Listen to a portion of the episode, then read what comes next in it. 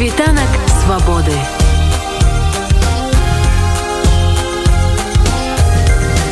Świt wolności. Праз тыдзень у беларусі пачнуцца сумесныя вучэнні беларускіх і расійскіх вайскоўцаў саюзная рашучасць 2022 для іх правядзення паводле афіцыйных паведамленняў будуць выкарыстоўвацца обус лясноўскі берасцейскі гожаскі асіповецкі і даманаўскі палігоны гэта ў берасцейскай гарадзенскай магілёўскай абласцях у той жа час апошнімі тыднямі паведамляецца пра тое што лагеры расійскіх войскаў з цяжкой тэхнікай заўважаная падрэчыцца і гомелем калінкавічамі мазаром ельскам і лельча сельчыцамі на поўдні гомельшчыны адкуль да агучаных афіцыйна палігонаў досыць далёка але адтуль да сталіцы Украіны Ківа ўсяго пара соцень кіламетраў. Ці магчымае ўварванне ва ўкраіну з гэтага плацдарму? Про гэта мы запыталіся у военнага эксперта Александра Алесина прежде всего это заблуждение что другие участки местности Беларуси не задействованы в учении. Если мы посмотрим пресс-конференцию заместителя министра министра обороны России, то он сказал, что кроме полигонов перечисленных будут задействованы и другие участки территории Беларуси.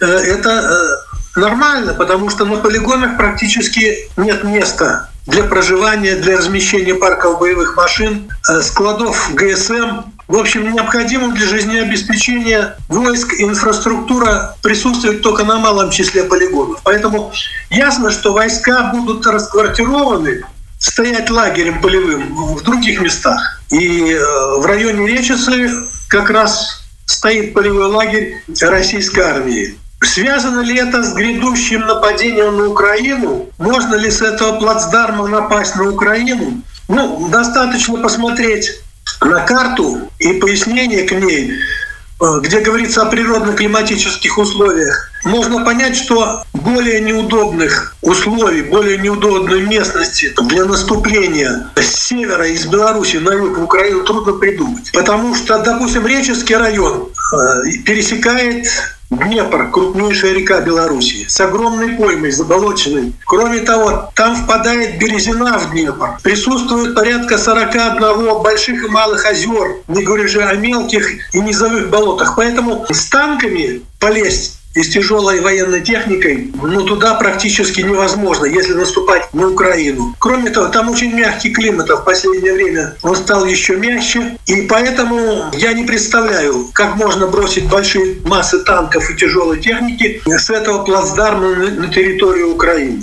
Вот для обороны, для обороны против гипотетической угрозы со стороны южного нашего соседа, этот район отлично подходит. Там можно при помощи совершенно небольших сил э, сдержать крупные силы наступающего противника. Поэтому это все юг Беларуси, это лесисто-болотистая местность. Кроме того, Речевский район практически на 50% занят лесом. То есть это еще дополнительная трудность. Хотя, конечно, в лесу легко прятать технику и э, войска, но лес, и особенно в лесисто-болотистой местности, он и является и большим препятствием. Поэтому с этого плацдарма наступать практически невозможно наступающий, если противник готов, обречено на неудачу. Значит, почему расположились здесь? Ну, потому что Лукашенко объявил, что учения будут на юге Беларуси, на границе с Украиной, потому что он боится якобы агрессивных замыслов Украины. То есть Украина сюда пересылает оружие, пересылает сюда боевиков,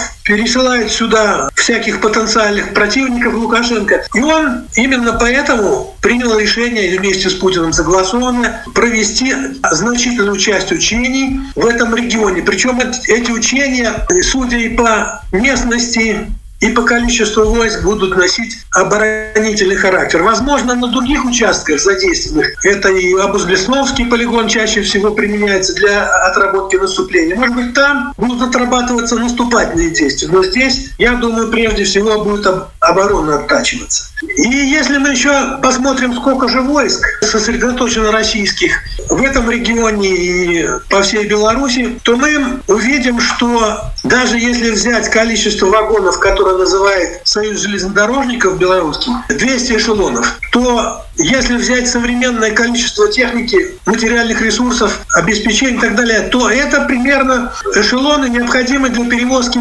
10-13 тысяч человек со вспомогательной техникой, бронетанковой, автомобильной, войсковыми зенитными комплексами, боекомплектами, запасами ГСМ и так далее. Поэтому ничего чрезвычайного в этом количестве войск нет. И я полагаю, что цифра 10-13 тысяч человек, общее количество переброшенных сюда военнослужащих российских, примерно соответствует истине. Но надо принять во внимание то обстоятельство, что боевых частей там будет существенно меньше. Необходима еще и служба обеспечения, логистики и так далее. Это и э, материально-техническое снабжение, и, и служба заправки, и продовольственная служба, и вещевая служба, и запасы вместе с артиллерией и э, ракетными войсками передвигаются и необходимые запасы боекомплекта и так далее. Поэтому я полагаю, что сосредоточенное количество войск, оно не может обеспечить наступательную операцию, в частности, в южном направлении. Но если сошли бы с ума вместе с Россией, белорусское руководство, то, наверное, раз, наверное, в 10 надо было бы больше войск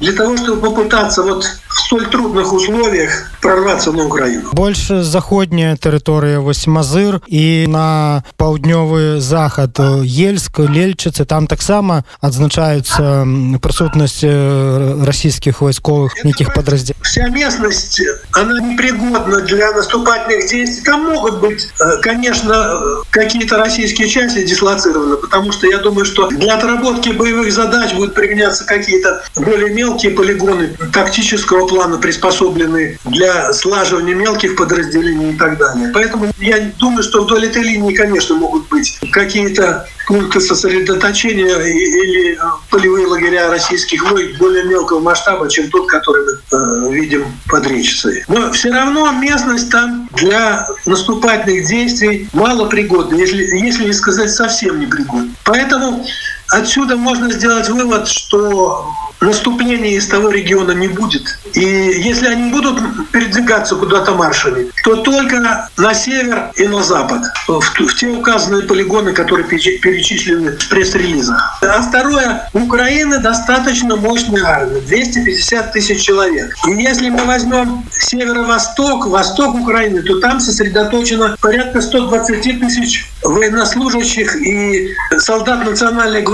Поэтому я думаю, что, учитывая, что все-таки в сухопутной технике Россия не имеет сумасшедшего превосходства над Украиной, любое наступление на Украину имело бы очень тяжелые последствия для российской армии сухопутными силами. И чревато было потерями. Поэтому я думаю, что российские военачальники не дураки, и на джавелины голой грудью не полезут, так как это чревато огромными потерями. Будет, наверное, какая-нибудь другая операция, если возникнет военный конфликт. Очевидно, будет авиационный удар по территории Украины. Но сухопутные войска, думаю, либо участвовать совсем не будут, либо только на самом последнем этапе, когда украинская армия будет обессилена ударами э, ракет и авиации. Военный эксперт Александр Олесин не прогнозует магчымасці военного ворвания российских танков ва Украину с Гомельщины, а не выключая авиаракетного удара России по нашей паўднёвай суседцы. Світанак свободы.